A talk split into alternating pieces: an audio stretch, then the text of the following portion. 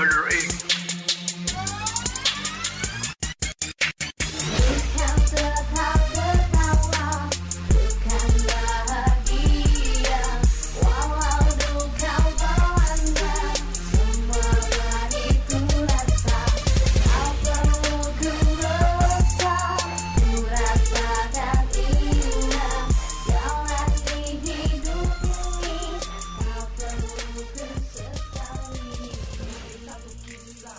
Yo, what's up homie?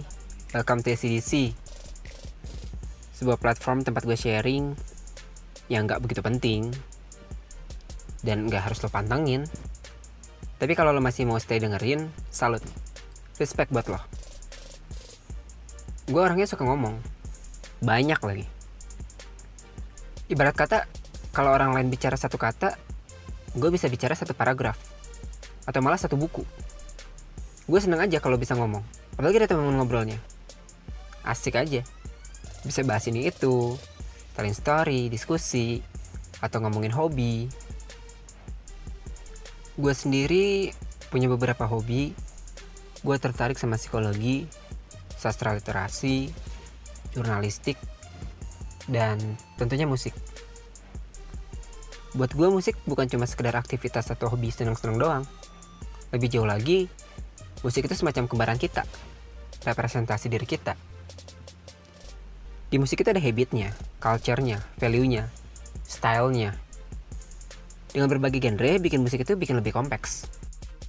Dari sekedar seni olah suara doang. Gue suka hip hop. Tapi gue juga suka dengerin, malah banyak di-influence sama genre-genre lain. Kayak screamo, melodic, power pop, elektronika, sampai folk walau nggak sewarna tapi gue ngerasa bisa terhibur dan bisa ikut enjoy sama musik-musik itu.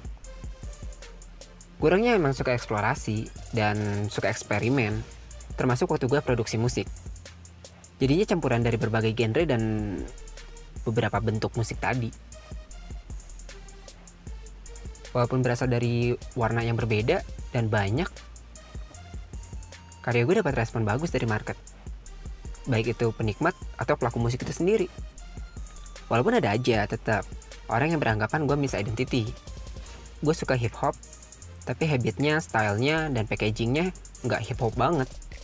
Sama ceritanya kayak gue sama BK jadi menurut gue kemasan dan cara penyampaian itu kan bisa macam-macam bentuknya. Yang penting jiwanya dan implikasinya. Kan itu esensinya bos. Menurut gue percuma aja. Lo pegang identitas yang OG setengah mati tapi cuma bisa dinikmatin sama diri dan komunitas sendiri Karena menurut gue yang ngerasa hukum itu penting adalah orang hukum. Yang ngerasa kesehatan itu penting adalah orang-orang kesehatan.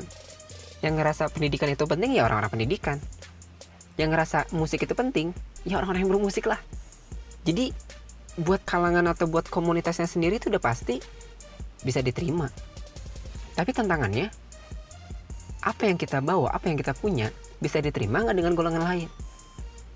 Lebih makro dong pakai cara soft selling.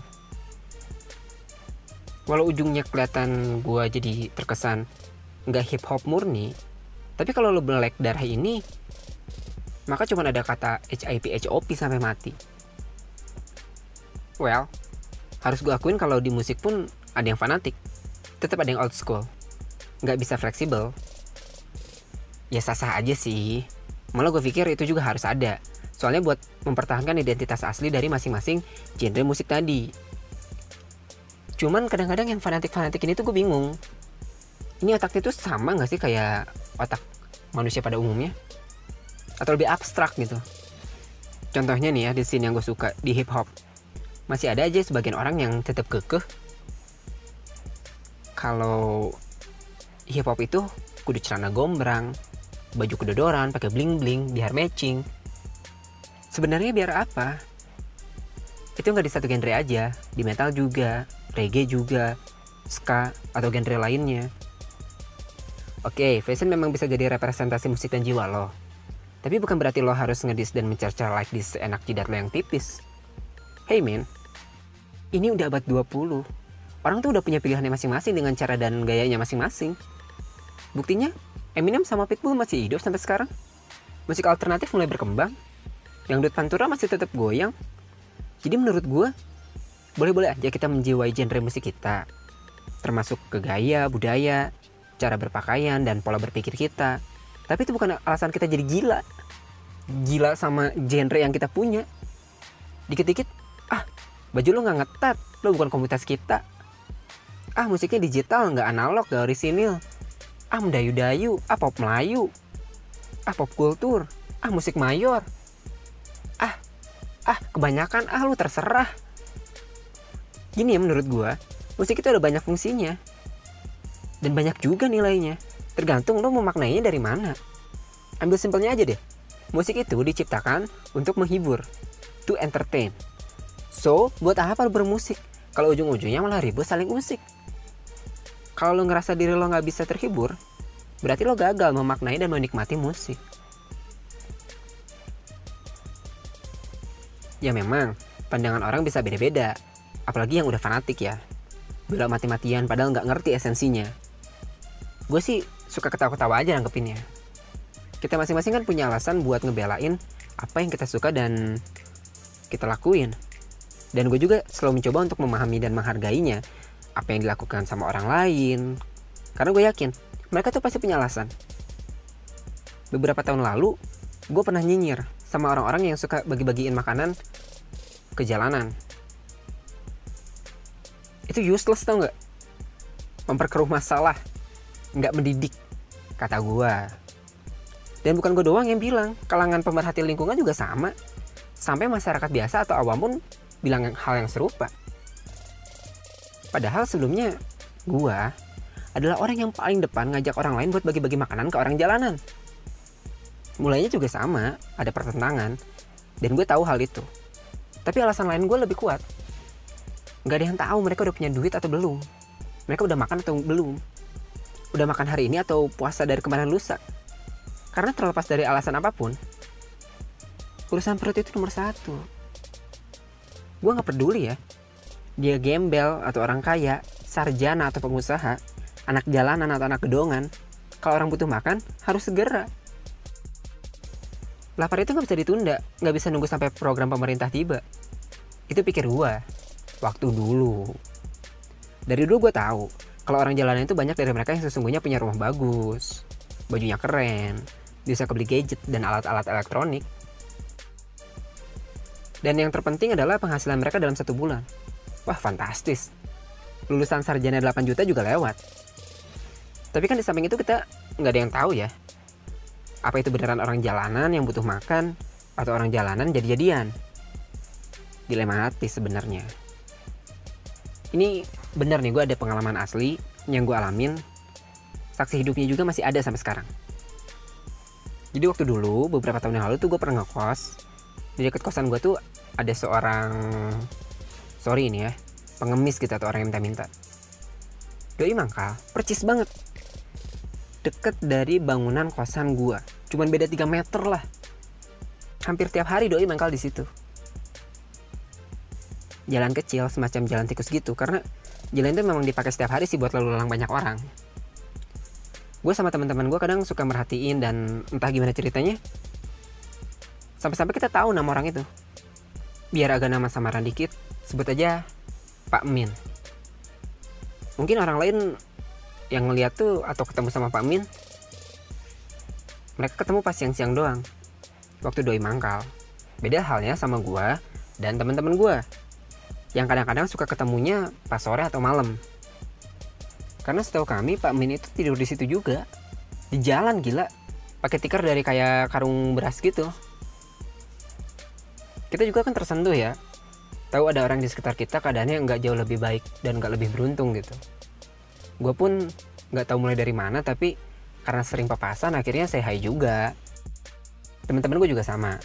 Sampai akrab lah pokoknya. Kadang kalau siang-siang lewat orang lain kan pada ngasih duit ke Pak Min. Kalau gue sih sama teman-teman malah nyapa ngajak ngobrol sambil ngeloyor gitu pergi.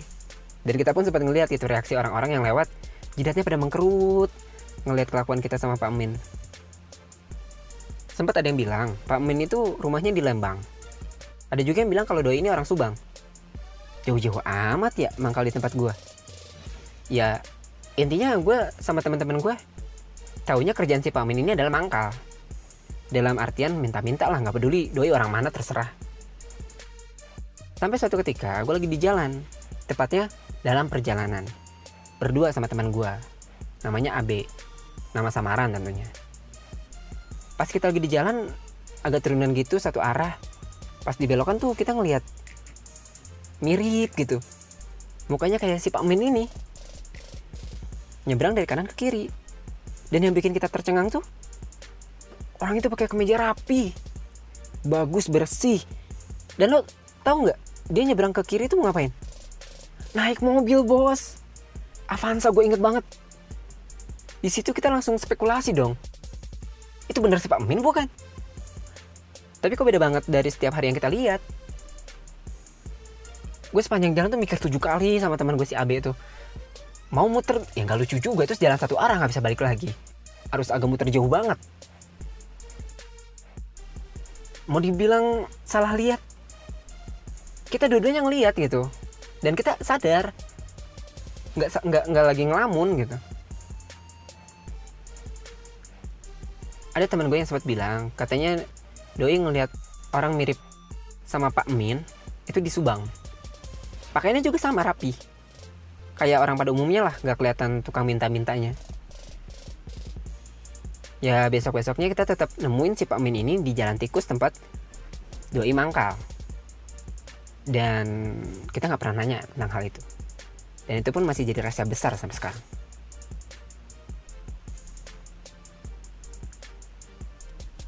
Perjalanan gue dari musik dunia sosial akhirnya berujung pada media. Waktu gue kecil gue nggak punya mimpi kayak anak lain gitu. Yang cita-cita jadi dokter, pilot, polisi. Ya walaupun pada kenyataannya sekarang nggak tahu tuh mereka jadi apa. Tapi seenggaknya kan mereka waktu kecil bisa ngucap gitu aja soal cita-cita. Gue baru bisa ngucapin cita-cita gue itu sekitar waktu kelas 2 SMA gue pikir gue harus punya cita-cita dong.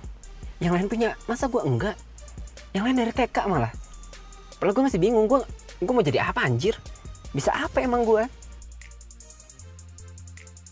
akhirnya gue coba mulai dengan sesuatu imajinasi gue terhadap sebuah profesi yang bakal bikin seorang cewek mikir tujuh kali buat bersedia dilamar. Karena ngeliat profesi kerjaan gue apalagi bokap nyokapnya. Ngedengernya aja pasti udah gagal tuh jadi calon mantu. Gue sempet kepikiran pengen jadi penulis lo tau kan hidup seorang penulis? Yang sukses ya sukses yang belangsak ya belangsak aja hidupnya. Setelah gue analisa dan pahami lebih dalam menggunakan pola pikir ala remaja yang nggak tahu dunia kerja maka gagal lah gue jadi seorang penulis. Cita-cita gue bertahan kurang lebih satu atau dua tahunan gitu ya. Jadi pas beres ujian sekolah itu kan kadang-kadang suka ada momen bebas gitu kan buat anak kelas 3 gue sempat main tuh ke rumah temen gue di daerah deket Binong sana. Nginep gue ceritanya. Nostalgia ketemu teman lama. Itu salah satu saya gue kalau lagi happy hour di Vena FPC air mancur. Nginep lah ceritanya. Pas balik dianterin. Abangnya ikut nganterin juga pakai mobil bertiga. Sampai ke jalan raya lah. Gue naik bis kota di situ entah gue juga agak sedikit lupa. Seingat gue kita ngobrolin kuliah teman gue juga nggak tahu dia mau mau ke mana. Namanya juga gue lupa. Yang gue ingat tuh abangnya kuliah di Depok. Ambil jurusan jurnalistik. Padahal gue nggak tahu dia kuliah di kampus apa akreditasi apa jurnalistik tuh kayak gimana. Tapi di situ gue langsung semacam dapat zing. Yeah I got this. Gue bakal ambil jurusan jurnalis. Sampai pada satu momen pas milih kampus dan jurusan kuliah gitu gue cerita dong ke nyokap. Lalu nyokap gue dengan penuh rasa kasih sayang terhadap anaknya berkata yang intinya lu mau ngapain ngambil jurnalis? Capek kerjaannya nanti inilah itulah. Mungkin nyokap gue tuh terkontaminasi sama reporter-reporter TV kalau lagi bawain berita pas lagi mudik lebaran. Jurnalis kan bukan jadi reporter aja mam ya gue juga kan nggak mau berakhir jadi batu bacan ya cuma gara-gara milih jurusan. Akhirnya gue nurut lah gue direkomendasikan buat milih jurusan lain. Gue ikutin lah tesnya. Karena rapot gue pas-pasan jangan ngarep gue bakal masuk lewat jalur undangan. Dari beberapa pilihan yang keterima akhirnya gue pilih satu jurusan. Dan berakhirlah seperti ini. Mungkin gue bukan seorang ahli di bidang media atau jurnalis ya tapi if you know waktu yang gue habisin selama ini tuh ternyata pas gue review lagi gue banyak ngabisin waktu dan berkecimpung di dunia jurnalis. Emang ironis. Walau studi gue di bidang lain hobi gue juga lingkungan gue juga tapi ujung-ujungnya ternyata gue banyak aktif di dunia jurnalis. Ya gue bukan sok-sokan gitu. Beda tipis usianya sama usia studi gue sempat gue berpikir bener kata nyokap gue capek ternyata apalagi kalau kita pengen ngejaga integritas dan kredibilitas. Berat cukup buat lo bolak-balik rumah sakit dan disuruh bed rest karena tipes. Gue nggak pernah sih alhamdulillah sampai segitunya. Karena gue memang suka gitu gue enjoy ngejalaninnya senang sama bidang satu ini. Walau nyokap gue bilang capek atau mending cari aja deh kerjaan yang lain gitu. Tapi buat gue ini asik karena ini passion gue gue bisa lebih mudah dan lebih banyak eksplorasi dibanding harus cuma duduk di belakang meja atau berdiri depan anak-anak usia remaja.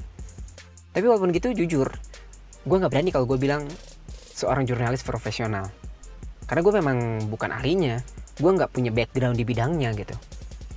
Karena gue bukan seorang akademisi tapi gue seorang praktisi